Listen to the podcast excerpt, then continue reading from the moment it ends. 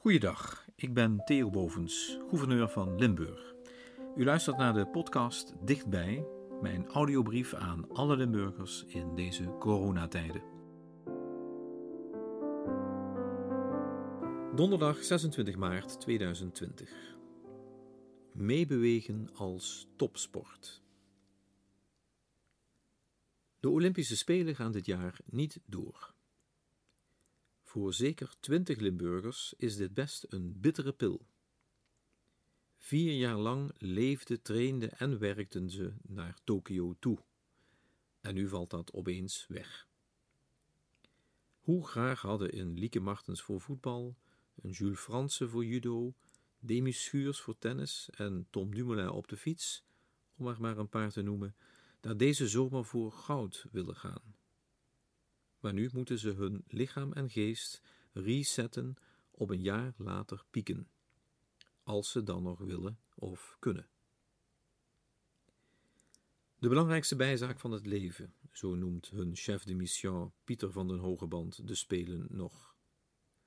En dat geldt natuurlijk niet alleen voor de Spelen. Ook voetbal is voor velen niet weg te denken als vrije tijdsbesteding om te spelen, om te kijken of te supporteren. Maar dat valt nu ook allemaal in het water. Alhoewel het voor VVV Venlo en Fortuna Sittard nog wel eens gunstig kan uitpakken als de competitie nu zo wordt omgegooid dat ze niet eens kunnen degraderen.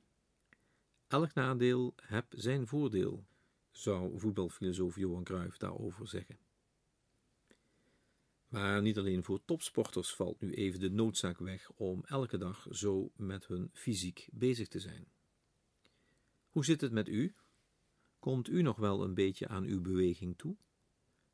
Zeker nu de sportvereniging, de fitnessclub of de normale activiteiten, zoals bijvoorbeeld fietsen naar het werk, wegvallen? Om mij heen hoor ik van mensen die dan maar thuis gaan dansen, als er een opzwepend discodeuntje op de radio langskomt of die meebewegen met gymnastiekprogramma's die LE nu specifiek uitzendt voor ouderen en schoolkinderen. En ook ik pik nu een heel andere routine op. Voor mijn dagelijkse gang naar het gouvernement aan de Maas pak ik nu de benenwagen in plaats van de dienstwagen. En voordat u medelijden met mij krijgt, ik weet nu dat het een wandeling is van zo'n 4653 stappen. Plus wat benen strekken door het lege gouvernement en dan weer naar huis lopen. En dan haal ik nu mijn 10.000 stappen per dag zeker. Het is pas drie keer eerder in de geschiedenis vertoond dat de Olympische Spelen niet doorgingen. Dat was in 1916, 1940 en 1944 alle drie oorlogsjaren. Dus dat geeft wel aan hoe groot de crisis is die we nu beleven. Het is toch een beetje oorlogstijd in vrede, zoals ook premier Mark Rutte het min of meer benoemde in zijn corona-toespraak.